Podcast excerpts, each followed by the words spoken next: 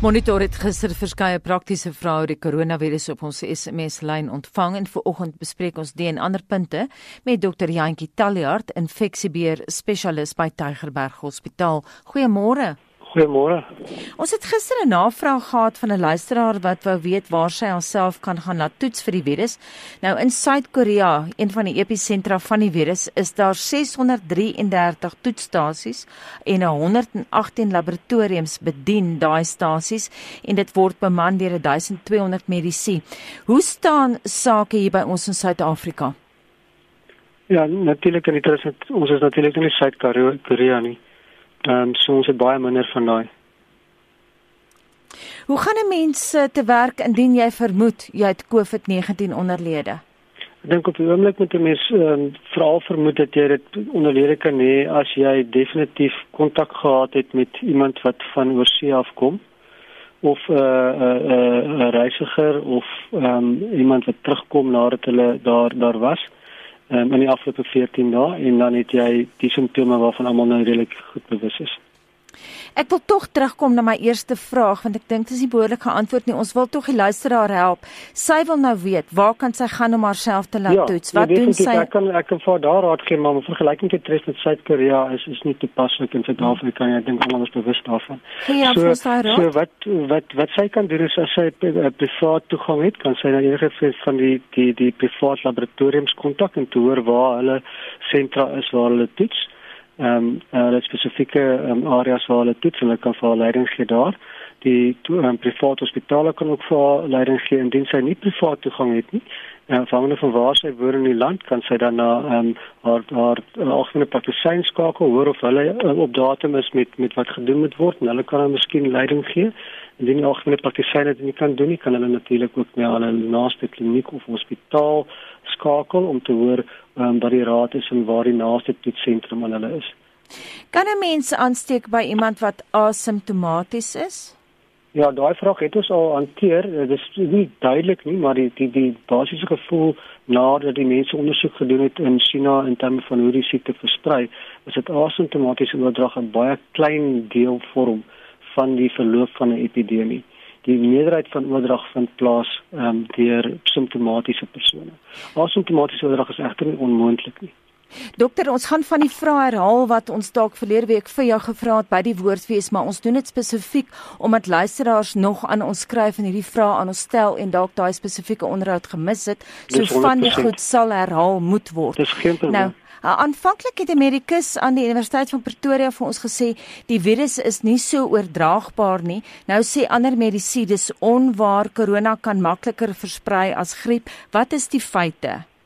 En ons praat van 'n 'n 'n R0 wat beteken um, as een persoon die siekte het, hoeveel persone kan hy aansteek as daar geen weerstandigheid in die in die samelewing is nie. Ehm um, die R0 van eh uh, koronavirus is so rondom 2.5. En dan word elke persoon wat die siekte kry kan 2.5 ander mense aansteek. As ons kyk na griep, is dit 'n bietjie minder so rondom 1.7. So is gering meer uh, aansteeklik, een ekstra persoon wat aangesteek kan word van 'n enkele persoon. Dit is egter nie die groot probleem die aansteeklikheid nie. Ehm um, die aansteeklikheid is is met ander woorde die twee is, is nie ver uit mekaar uit nie. Dit gaan meer oor die feit dat daar nie immuniteit is teen koronavirus nie. Met ander woorde almal is vatbaar vir die siekte. Ehm um, terwyl dit nie dieselfde is met met griep nie. Griep is die griep is al lankal in sirkulasie oor oor honderde jare um, en uh, daar is 'n mate van immuniteit in die samelewing teenoor griep. So almal word nie aangeval deur deur griep nie. Um, Daar's dit uh, hulle, hulle sê omtrent so 10% van die van die gemeenskap uh, sal tydens die griepseisoen ehm um, 'n griep ehm um, um, onder onderlede kry. Terwyl met die koronavirus is enigiets tussen 30 tot 50% van die samelewing wat die infeksie kan kry. So jy kan sien die die getalle verhoog nie as gevolg noodwendig van die aansteeklikheid nie, maar net die feit dat daar nie immuniteit teen die siekte is nie. Een van ons luisteraars het gesê die nommer van 'n nasionale hulplyn geplaas en vir ons gestuur, maar wat is die protokol? Moet mens deur jou huisdokter werk? Ek dink uh, mense moet mense moet die die die die, die nasionale nommers wat daar is in die Weskaap is ook 'n Weskaapse nommer. Ehm um, en dan natuurlik jou jou jou jou algemene praktisyn of jou kliniek of jou hospitaal soos ek genoem het. Al die al, al daai moet moet moet ondersoek word en probeer word. Jy kan natuurlik in gedagte hou die die die die nasionale lyn is ongelooflik besig. So mens gaan nie noodwendig onmiddellik uh, deurkom of gehelp kan word nie. Die dieselfde met die met die Weskaap-lyn en so mens moet al daai om um, um, opsies oorweeg. Die lekker ding van as jy na 'n uh, Amerikus toe gaan of na 'n suster by 'n kliniek, dan het hulle gewoonlik 'n direkte lyn na iemand anders toe wat hulle kan kan kan bel en en en 'n raad kry oor wat om te doen. Ehm um, dus as ek nou sê, skakel maar eers die mense moenie meer daar opdaag nie. As jy pas by ons aangesluit het Monitor praat ver oggend met dokter Jantjie Taljaard, hy is infeksiebeheer spesialis by Tygerberg Hospitaal. Dokter, die koronavirus het in net 1 week na 25 lande in Afrika versprei. Ons het gister met 'n Afrika kenner daaroor gepraat, Liesel Lou, maar het jy enige vooruitskattinge van hoe vinnig die virus in Suid-Afrika mag versprei, gegee ons probleme met HIV en tering byvoorbeeld? Ehm um, ja, net ek ek kan nie daarop kommentaar lewer nie. Ek's nou nie 'n uh, uh, statistikus of 'n uh, of 'n epidemioloog wat vir daai tipe van voorspellings maak en ek het nog nie regtig 'n voorspelling gesien in Suid-Afrika nie. Maar as ons kyk na na ander lande, uh, is dit duidelik dat dit regtig vinnig versprei. Dis waarom die noodtoestand aangekondig is in 'n vroeër stadium in Suid-Afrika om te kyk dat ons of ons die die uitbreking daarvan in die in die gemeenskap kan voorkom. En miskien net op daai punt op die oomblik is daar geen wydverspreide ehm um, ehm um, um, siekte in die gemeenskap nie. Dis alles nog redelik bekamp tot mense wat wat gereis het of wat kontak gehad het met daai mense. Bloomberg News het gister verwys na Israeliese wetenskaplikes wat nou besig is om 'n enstof teen COVID-19 te ontwikkel. Hoe na is die wêreld aan 'n deurbraak, weet ons?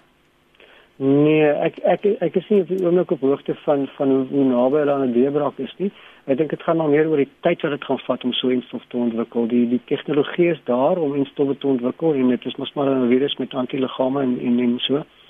So dis 'n kwessie van hoe lank dit gaan vat om dit te ontwikkel om te bepaal dat dit veilig is en ook om dan om te um, om te kyk of mens uh, um, 'n miljoen tot biljoene instowwe in, in 'n kort tydjie kan produseer. So daai is die is die is die ehm um, faktore wat miskien die uh, dit langer laat vat eerder as die ontwikkeling daarvan dit self. Kan 'n mens COVID-19 meer as een keer kry of sal jy immuniteit immuniteit daarteen opbou? Ehm um, ons het nog nie regtig goeie inligting oor of daar mense is wat dit twee keer gekry het en daar's 'n geval hier en daar wat aangemeld word, maar die die die die die konsensus onder onder my kollegas is dit dat dit waarskynlik maar ergens 'n vals negatiewe of 'n vals positiewe toets was uh wat dan nou die indruk gee dat dit twee keer gebeur het. So ehm um, daar's nog nie regtig goeie indruk um, um, inligting daaroor nie. En weer eens die mense wat gaan kyk het na die na die epidemie in in China het het net verder gerapporteer dat dit dit het meer as een keer plaasvind. So ook as mense nou logies gaan kyk, as mense 'n infeksie kry, veral virusinfeksie, ontwikkel 'n mens antiliggame daarteen en daai antiliggame kan op die slegste vir tydelike ehm um, weerstandigheid gee vir, vir 'n paar maande of so. So dit is onwaarskynlik dat jy binne binne 'n kort tydjie weer 'n infeksie kan kry en op die beste vermoed mense dat dit veel gedeeltelike uh, weerstandigheid kan gee uh, vir 'n baie langer tyd. Daar's baie vals nuus in omloop en selfs medisy blyk te verskil oor die impak van die virus. Sommige mense glo die inkubasietydperk is tot 23 dae, maar dit is korter, né? Nee? Ja, die die beste inligting wat ons het weer eens van die lesse wat ons geleer het uit ander lande uit is dat uh, dit onwaarskynlik langer as 12 en 'n half dae is. Ehm um, daar's natuurlik altyd ehm um, um, gevalle in in in in in medisyne en in in die mediese wêreld uh, wat nie binne in die normaal val nie. So dit is dit is definitief moontlik dat daar uh, uh, gevalle kan wees wat langer is. Ehm um, maar dit is nie die norm nie. So ons werk maar gewoonlik met die norm en ehm um, dit lyk of by verre meer as 90 95% van gevalle uh, selfs meer as 95% van gevalle sal uh, 'n maksimum van 12 en 'n half dae. Dis so dis waarom die die die periode van 14 dae genoem word wat dan uh, 'n uh, redelike veiligheid uh, net van van 'n nog 'n dag en 'n half bysit. Van ons luisteraars wou ook gister weet hoe lank dit gaan vat voordat die virus homself uitwoed in jou. Ja, ehm um, daar dit, dit dit hang af van hoe siek 'n mens word.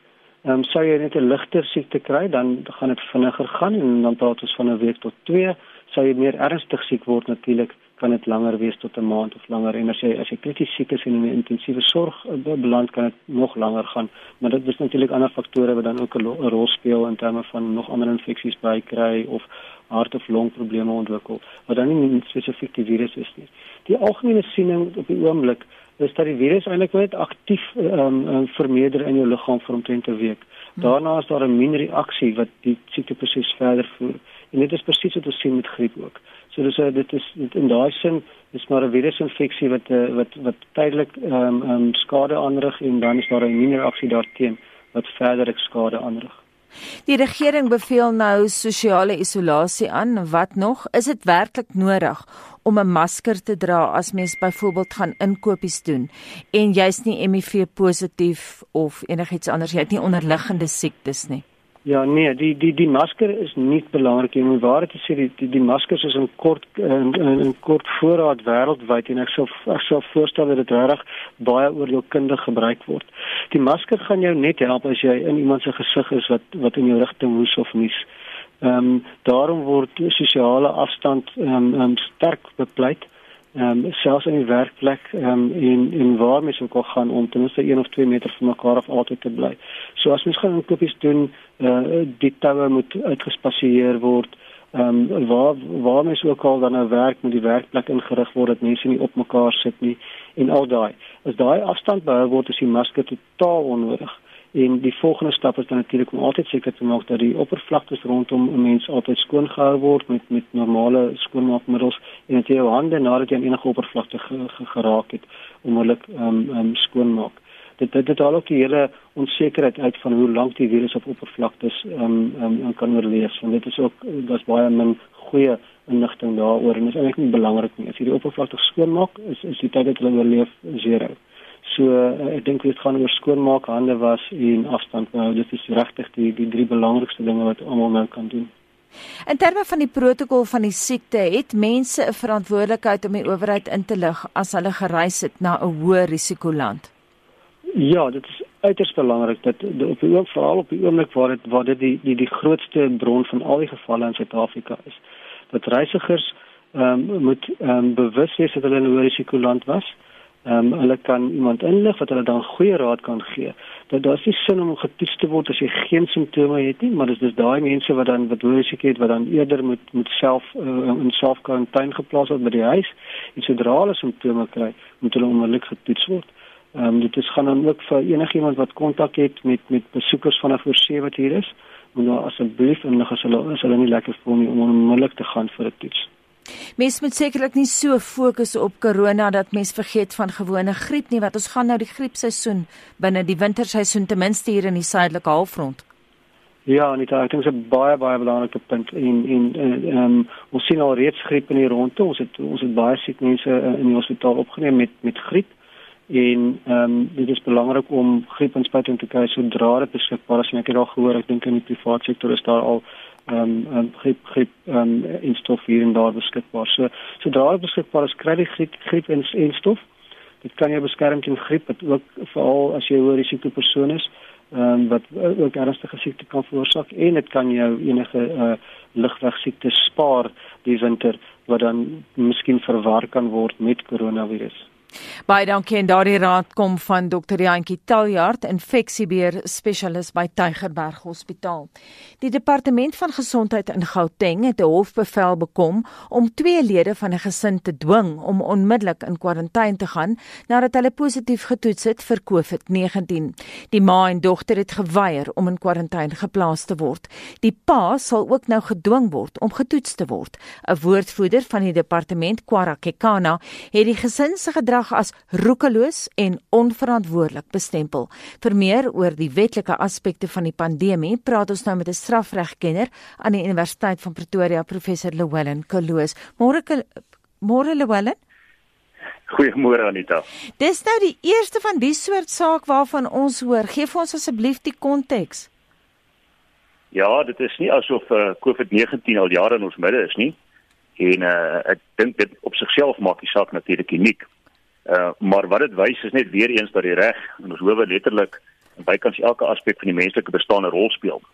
Uh, net in kort wat hier gebeur het is uh, regter Wiener in die Hooggeregs op Johannesburg het op die 17de Maart 2020 'n dringende aansoek aangehoor en 'n bevel toegestaan in terme waarvan die eerste, tweede en derde respondente natuurlik uh, onmiddellik gelas word om in kwarantyne geplaas te word en dis uh dis weer met die behulpsaamheid van die polisie as vierde respondent om hulle behulpsaam te wees. Dit is nou die minister van gesondheid uh en die departement van gesondheid om indien die persone nie vrywilliglik natuurlik hulle dit dit te toelaat nie dit te bewerkstellig. Nou dit sou beteken dat hierdie persone opgeroep kan word. Ek dink die datum van die 24ste Maart is genoem om redes aan te voer waarom hierdie interim bevel in interdik teen hulle nie finaal gemaak moet word nie. Maar hierdie bevel geld as interdik op hierdie stadium en uh, die polisie kan desnoods selfs die hulp in uh inroep van uh sogenaamde tracing agents met ander woorde mense wat mense se selfone naspeur om te bepaal waar jy jouself vind om hierdie persone te natuurlik dan kom ons noem dit dan net te arresteer in aanhalingstekens en hulle dan onder kwarantyne te plaas. Uh wat hier so gebeur het, dit is letterlik 3 Duitse uh, burgers wat in Suid-Afrika hulle bevind het. Die derde respondent wat die man is, daar's natuurlik 'n minderjarige betrokke, so die identiteit kan nie on, uh, uh, bekend gemaak word nie. Uh maar hierdie persoon het het, het bekend gegee dat hy reeds op die vliegtuig uit die land uit is en dit het gebleik nie die waarheid te wees nie. Met ander woorde daar is letterlik dan 'n persoon daar buite wat uh roekeloos rondloop en moontlik die virus het. Ehm uh, en die die die die die bedoeling met hierdie bevel is om hom te verplig om dan toets te ondergaan sodat ons kan vasstel of hy letterlik dan ook die draer van die COVID-19 virus is, net soos sy soos sy kind en sy vrou. Maar dit is tog belangrik om te sê of te wys daarop dat tyd hierso ontsettend belangrik is. Jy kan nie wag voordat jy iemand onder kwarantyne plaas nie. Ja, absoluut. Onthou hierdie insident is aangemeld die middernagtelike ure van die 13de Maart, die vroegoggendure van die 14de uh by die Fourways uh Life uh, Hospitaal in Johannesburg en die uitslae is omtrent 2 dae later gekom en almal is in kennis gestel. Aanvanklik is daar 'n versoek vir die partye om hulle self onder selfisolasie te plaas. Ehm um, die partye het 'n het 'n foutiewe adres opgegee en uh, het natuurlik van plek tot plek geskuif. So daar is alweer daardie risiko van blootstelling gewees. Uh mense me, me sal nie weet wat die omvang daarvan is nie totdat hierdie persone letterlik na vore tree en dan uh behulpsaam uh, wees met die met die inligting verskaffing. Sou mense sulke mense kon straf? Ja natuurlik. Uh, ons moet onthou hier is min of meer 3 wette wat van toepassing is wanneer ons met hierdie tipe van ding werk. Daar's natuurlik altyd die grondwet Ehm um, en ons weet natuurlik dat artikel 37 van die 96 grondwet maak voorsiening vir sogenaamde noodtoestande in terme waarvan uh, natuurrampe en ander uh, uh, aspekte wat lewens van 'n nasie bedreig natuurlik aangespreek kan word. Maar saamgelees daarmee uh, vind ons dan natuurlik die die sogenaamde Emergency Act, State of Emergency Act van 1997 wat die wat natuurlik die die die die president die, die bevoegdheid gee om protokol uh, uit te skryf en natuurlik 'n noodtoestand in Suid-Afrika af te kondig in sekere gevalle. Maar in hierdie geval lyk dit vir my meer uh, of ons staatspresident gebruik gemaak het van die rampbestuurwet. Nou dit is 'n wet van 2002, wet 57 van 2002. Ehm um, dit is nog nie die 'n uh, uh, state of emergency met ander woorde 'n noodtoestand wat uh, afgekondig is as sodanig maar maak maak, maak eintlik net voorsiening vir rampbestuur. En in terme van hierdie spesifieke wet, artikel 61 om die waarheid te sê, is dit 'n misdaad vir 'n persoon om nie aan 'n redelike versoek van die nasionale sentrum wat dan gestig kan word in terme van hierdie wetgewing uh, te voldoen nie en daardie persoon kan by skuldig bevinding natuurlik 'n boete opgelê word of gevangenisstraf van nie meer as 6 maande nie of beide. So daar is 'n uh, misdaad komponent, 'n statutêre komponent wat dan toepassing vind. Baie interessante saak vir julle as regslei. Ja, absoluut. Kyk, ehm um, ek het al interessante aansoeke in my lewe bestudeer en nagegaan maar uh, hierdie is uh, is die eerste wat ek vermoed van 'n klomp uh, tipe uh, sake wat soortgelyk gaan wees in die toekoms in ons howe want ek meen hierdie is nie die is nie die begin uh, van van 'n magdom sake wat wat direk of indirek verband hou natuurlik met die COVID-19 virus. Ehm um, maar ja, dit is 'n is 'n unieke uh, geval en die feit dat dit op 'n dringende basis gebring is, wys met watter erns die howe sowel as die regering natuurlik te been. Baie dankie en so sê professor Llewellyn Koloos, hy's 'n strafregkenner aan die Universiteit van Pretoria. Dis nou 7:34 en ons gaan na sportnuus. Talle sektore van die samelewing en industrie word baie hard getref deur COVID-19. Sport ontsnap ook nie die pandemie nie, om die waarheid te sê, sport wêreldwyd is heeltemal lam gelê. En ons praat nou Pieter van met Pieter van der Berg van RSG. Goeiemôre. Môre môre sê Anita. Pieter, voordat ons uh, by COVID-19 uitkom, is daar enige uitslae van die afgelope 24 uur om na te loer? Jong, wanneer mense na die bepalinge van byna al die sportsoorte kyk, is dit uitgestel of afgelas. Nou wat Suid-Afrikaners aan betref, is daar geen uitslae om uit te lig op die oomblik nie. Ek dink mense moet dalk net loer na die plaaslike eendag kriketreeks se finale puntestand. Die Dolphins het daar bo geëindig met 30 punte. Die Lions was tweede met 28, die Warriors in die derde plek met 24 en dan was die Knights vierde, die Titans vyfde en die Cape Cobras hulle het sesde geëindig. Nou min sportsoorte gaan op die oomblik voort. Uh, kom ons kyk na 'n paar interessantes wat wel is waar op die internasionale vlak uh, of in die buiteland dan uh, uh, nog uh, plaasvind. Daar is byvoorbeeld snoeker, dis die Karel Tour Kampioenskap daar in Wallis wat gister begin het. Dit duur tot Sondag. In Australië is daar sekere sokkertoernooie wat voortgaan sonder toeskouers en dan die Argentinië beker kompetisie, dis die Copa de la Super League en dit is uh, natuurlik ook daar in die Brasiliaanse staat waar uh, sekere sokkerwedstryde gespeel word, maar dit vind plaas als sonder toeskouers. Dan ook baie interessant is dan daar so 'n bietjie gevegskuns by inkomste in Brasilië is en uh, perdewedrenne in Engeland, Skotland en Wales gaan voort. Dis ook sonder toeskouers en so ook in Australië en dan kan ons dalk net noem dat die sogenaamde Aussie Rules Rugby, hulle skop môre af sonder toeskouers, maar uh, hulle is verkort van 22 rondes na net 17 en dan sien ek die rugby liga in Australië, hulle sal ook voortgaan. En dan 'n ander interessanthede, daar sal later eens besluit geneem word oor groot byeenkomste en hier verwys ek onder meer na Wimbledon en die Comrades marathon. Ek wil amper vir jou vra wat van die Olimpiese spele, wat sê die Japaneese?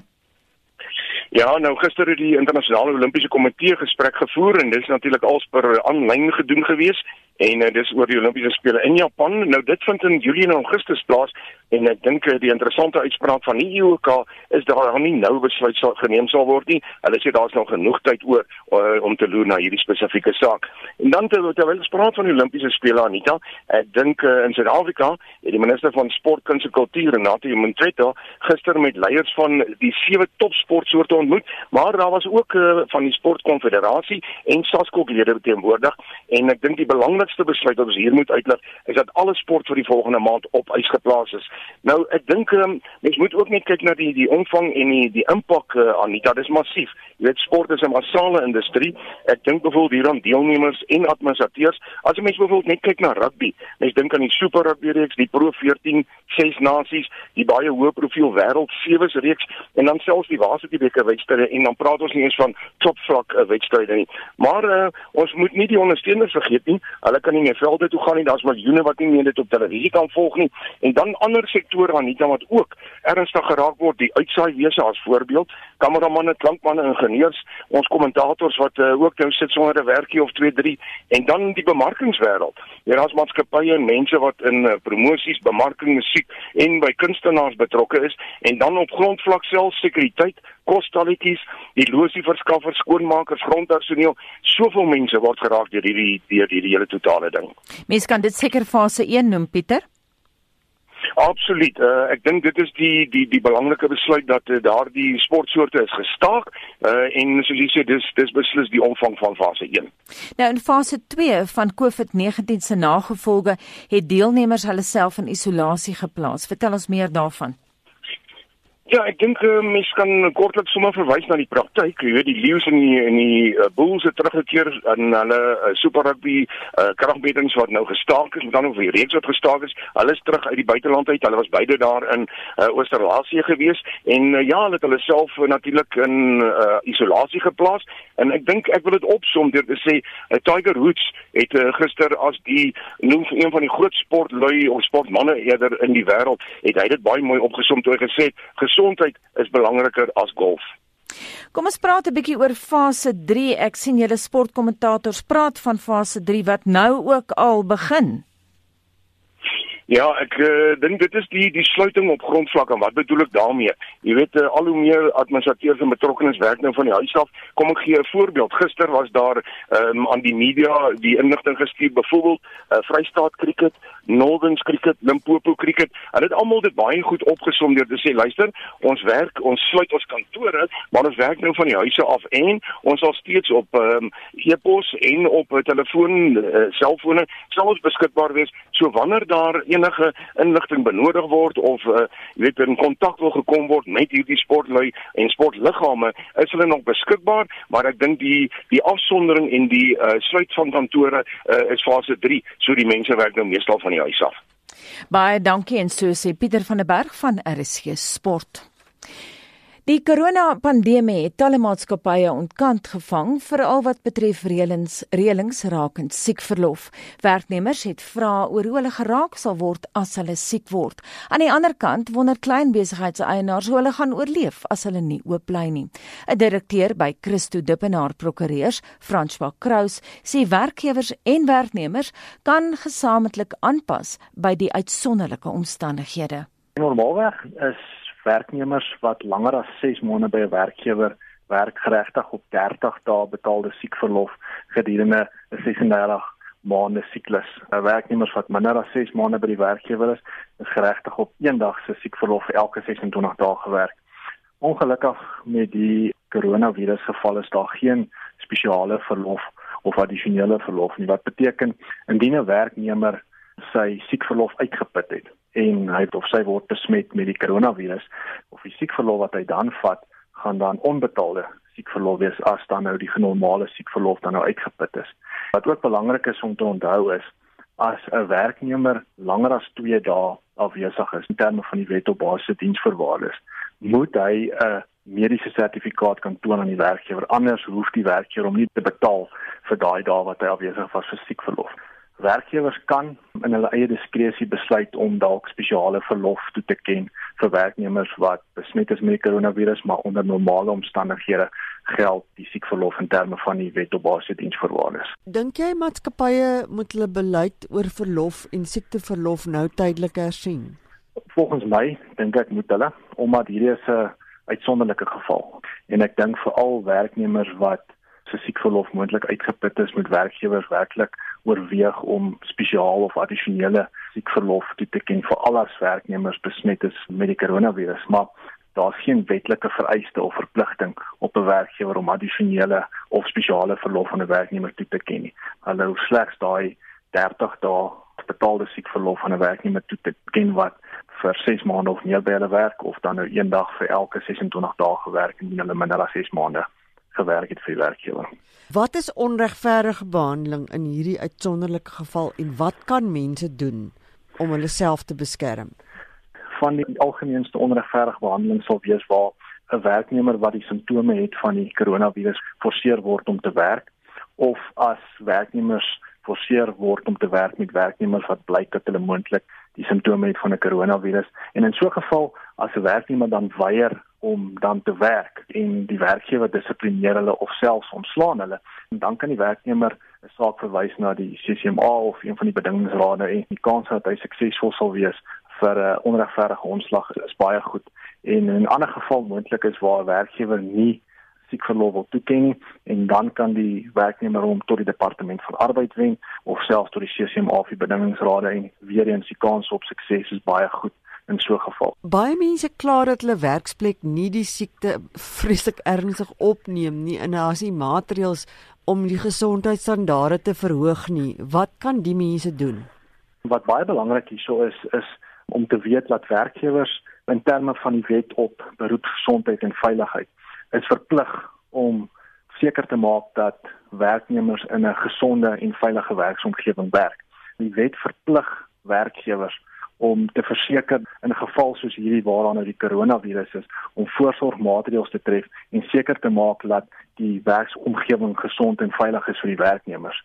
Wat ook die wet vereis is dat werkgewers moet met werknemers kommunikeer. Hulle moet verduidelik wat die koronavirus behels, wat die moontlike simptome is en wat die werkgewer gaan doen om besmetting te bekamp en te voorkom. En daar's ook 'n verpligting op werknemers. Hulle moet voldoen aan hierdie veiligheidsmaatreëls wat deur die werkgewer in plek gestel is en indien hulle ervaar dat hulle moontlik simptome het van die koronavirus of hulle sien moontlik ander werknemers het simptome van die koronavirus, is hulle verplig in terme van die wet om dit aan die werkgewer te rapporteer. Indien die werkgewer versuim om te voldoen aan hierdie wet en om die nodige voorsorgmaatreëls te tref, dan kan die werkgewer verklaar word by die departement van arbeid en hulle kan enorme boetes in die gesig staar En in sekere gevalle kan of die hoofuitvoerende beampte of die direkteure of selfs die bestuurders kan strafregtelik aangekla word. Afstandwerk van die huis en ander faktore sal uiteraard moeiliker wees vir klein en medium sake. Wat kan hulle doen om werkers by die huis te hou en nie hulle besigheid te verloor? Veral medium en klein sake ondernemings, ek dink hulle is die weerlooste in hierdie geval as dit kom by hierdie koronavirus. Wat werkgewers wel kan doen is om vir korte ure of dan vir mense te sê hulle moet van die huis af werk en dan moontlik die mense net vir die verkorte ure te betaal so wat beteken 'n verminderde loon tydperk wat hulle dan by die huis is.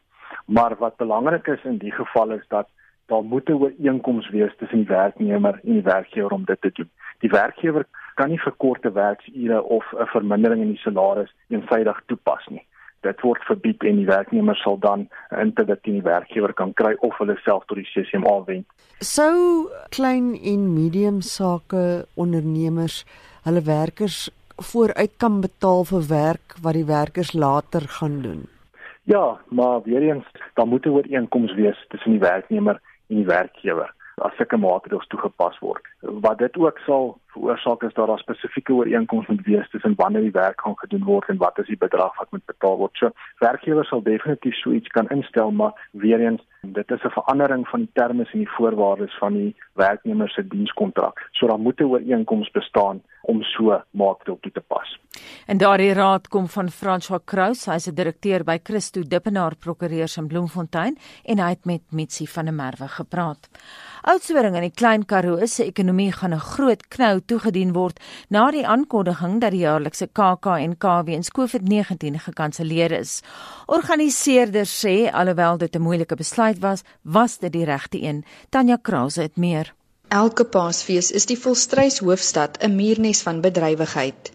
Die feestelike atmosfeer is duidelik nie hierdie jaar teenwoordig nie, in teenstelling met die kleurvolle versierings van vorige jare.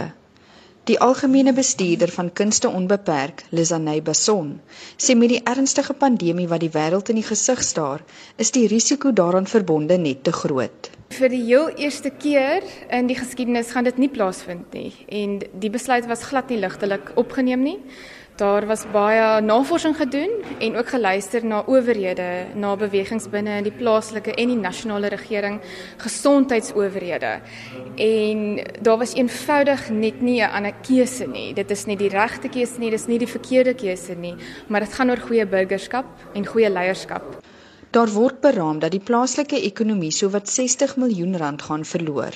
Restaurante, gastehuise en ander wat op die fees staat maak, gaan die ergste daarvan afkom. David Teron bedryf al die afgelope 6 jaar 'n kostelletjie by die kunstefees.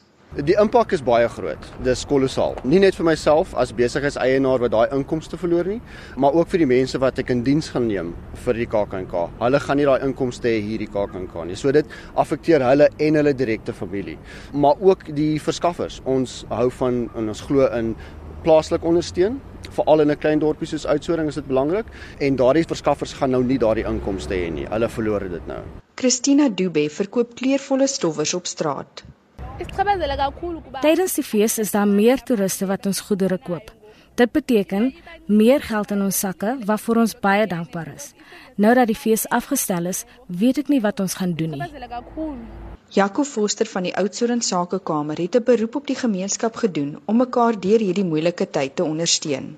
Die impak op ons ekonomie is krities en dit raak elke element van ons ekonomie. Dit raak ons besighede, dit raak toerisme, dit raak ons landbou en dit raak natuurlik die kunste. Ons praat van ongeveer 60 miljoen direkte inspuiting in Oudtshoorn se ekonomie en omtrent 160 miljoen vir die Wes-Kaap wat verlore gaan as gevolg van die kansellasie van die KAKNK. Ons beroep op hierdie stadium is op almal om ons plaaslike besighede te ondersteun en ons is geweldig bekommerd oor werksverlies in hierdie tyd. Die Kango grotte wat jaarliks ook duisende oorseese toeriste lok, het ook kultuurbedrywighede vir die volgende paar weke gesluit.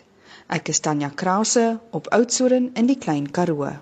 Te midde van feeste soos die KAK&K wat gekanselleer is, vind sommige kunstenaars steeds maniere om hulle aanhangers te vermaak. Die sanger Elvis Blue het op Facebook geskryf dat hy huiskonsert gaan hou. Hy gaan deur middel van Facebook se sogenaamde livestreaming funksie steeds musiek vir die volk maak. En ons praat nou met hom oor sy besluit. Goeiemôre. Asai Anita. Jy sou nou by die KAK&K opgetree het. Wat beteken daai kansellasie vir jou persoonlik in terme van byvoorbeeld geld? Ons het gister met Liz Meyding gepraat en sy praat van 200 000 wat sy verloor het. Ja, ag ek meen so tipe fees is eintlik maar maar kunstenaars se brood en botter. So ek dink um, as ek nou luister na die persone met wie jy nou gepraat het, is dit skrikkelik erg vir kunstenaars maar 'n persoon wat handsakke gemaak het en op pad KAK en K toe is ek dink die effek is baie groter. Maar okay, vir kunstenaars is dit is die volgende 2 maande, ek meen as jy net kyk aan die die laaste paar dae, jy voel ek funksies wat gekanselleer is of aangeskuif is of so, is dit 'n baie groot effek op jou. Hoe jy by die afgekom om 'n huiskonsert te hou? Dis man, ek hou die laaste paar jaar hou ek sulke huiskonserte, maar ek het net gedink jy weet as almal nou by die huis moet bly, ehm um, jy weet al die mense wat nou KAK en K toe sou kom na my show toe, ek, ek wil nog steeds vir hulle speel. Dit dit dit maak my baie gelukkig. So enigste manier vir my om dan van dit te speel is dan sommer maar op Facebook. En Facebook maak dit gelukkig vir ou moontlik. Jy gaan nou nie geld verdien daar uit nie, maar jy gaan dan ten minste nog deel van die genot daarvan kry om om uh, om 'n show te kan hou vir mense. Wil jy vir ons meer uh, besonderhede gee vir luisteraars wat na daai show wil kyk? Sure, ons het net sommer ons het 'n naam gekry vir hom. Jy moet my sê wat jy dink ons gaan dit doen, die quarantine konsert. Goeie alliterasie daar.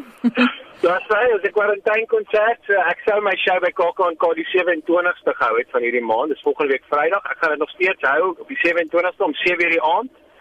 As jy 'n Facebook gebruiker is, kom join my gerus daar op Facebook en jy sal 7:00 die aand 'n 'n konsert 'n konsert kry. Miskien wil jy 'n date reël en uh botteltjie wyn en dan sit jy op Facebook aan en dan sing ek graag vir jou. Ons het nou vroeër vanoggend ook uh, met 'n museum gepraat wat nou kyk na die moontlikheid van virtuele toere, want daar's natuurlik hmm. altyd maniere om goed anders te doen in terme van uh, as mens nou kyk situasie waarin ons op die oomblik is. Dink jy ons gaan anders begin dink? Ons gaan nou uit die kassie begin dink soos wat jy byvoorbeeld nou gedoen het. Ek dink so. Ek, ek dink tog in sekere sekere bedrywe is dit is dit bietjie makliker as anders men ek ek ek, ek seker dit gaan vir my baie lekker wees om so 'n show te doen. Wat nice is op Facebook is ek kan nog steeds mense se se opmerkings en so aan lees en so aan. Maar ek dink seker bedrywe maak dit bietjie makliker as ander. Ek sal byvoorbeeld sukkel om geld te vra vir so iets. Ehm um, maar aangesien mense gewoonlik aanlyn alles wat hulle aanlyn geniet wil hulle geniet hè jy weet so. Maar ek seker mense gaan begin anders dink oor oor besigheid ensovoorts. Wat van liedjies en albums wat ons in die toekoms kan verwag? Die bedrywe maak nou oral toe ons het vroeër gepraat oor TV tegnisie en so aan. Musisi, dink jy ons gaan minder liedjies sien? Weet jy wat? Ek dink in die laaste klompie jaar sien ons oor die algemeen ehm um, in 'n geval minder musiek wat opgeneem opgeneem word soos wat musiek in die ou dae opgeneem word, bloot omdat geld in musiek soveel minder is omdat omdat mense nie meer albums fisies koop nie en wanneer mense musiek stroom, kry kunstenaars baie baie baie minder geld as wat hulle gekry het toe mense fisies musiek opgeneem het. Maar aan die ander kant, daar's nou 2 of 3 maande wat musikante by die huis sit. Ek glo hulle gaan baie skryf. En um, ek glo hulle gaan baie musiek maak, jy weet, musikante gaan die geleentheid gebruik van hierdie klomp maande af om om om musiek te maak en op te neem. Baie dankie en baie sterkte en sukses met jou livestreaming funksie. Ons sal later uitvind hoe dit dag, hoe jy gevaar het daarmee. Dankie, lekker dag. gesny. Dwars oor jou gery, jou riviere en sand. Die rooi grond en die see, ek wil bly het myself al hier verloor en weer gevind. Ek wonder wat is toe.